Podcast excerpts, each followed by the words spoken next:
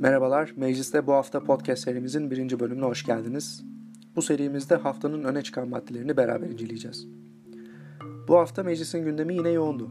Görüşmeleri tamamlanan çarşı ve mahalle bekçileri kanun teklifi mecliste kabul edilerek yasalaştı. Peki kanun bekçilere hangi etkileri veriyor?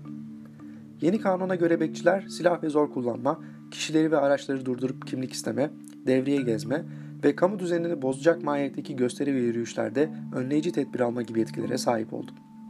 Kanun teklifinin komisyon raporunda muhalefet, metnin içerdiği belirsiz ifadelerin keyfi uygulamalara yol açabileceğini belirtiyor. Ayrıca bekçilere polislere tanınan silah kullanma etkilerinin tam olarak tanınmasının polis ile bekçi arasındaki farkı anlamsızlaştırdığı ifade ediliyor. Bu hafta ayrıca rekabetin korunması kanununda değişiklik yapılmasına dair teklifinde görüşmelerine başlandı.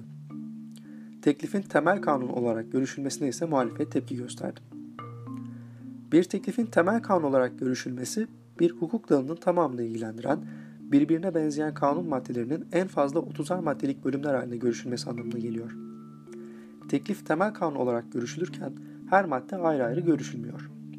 Bu durumda vekillerin maddeler üzerine konuşabilmek için önerge vermeleri gerekiyor.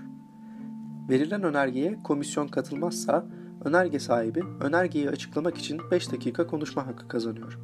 Grupların sadece bölümler üzerine konuştuğunu, maddeler üzerinde müzakere imkanının olmadığını ifade eden Özgür Özel, iktidar vekillerinin komisyonun önergelere katıldığını belirterek konuşma hakkını elinden alıp, oylamada ise önergeyi reddederek grupların bir önerge üzerinde konuşma hakkını dahi elinden almaya kalkıyorlar şeklinde konuştu.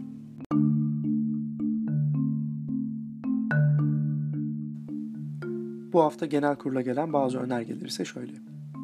Salgın sürecinde yaşamını kaybeden ve bulaşa maruz kalan sağlık çalışanlarının durumunun araştırılmasına, baroların ve meslek birliklerinin antidemokratik yöntemlerle hedef alınmasının araştırılmasına, YKS'nin tarihinin Temmuz ayı sonrasına ertelenmesine, 18 yılda getirilen reform paketlerinin beklenen iyileşmeyi yaratamamasının ve artan işsizliğin araştırılmasına yönelik verilen önergelerin görüşülmeleri reddedildi.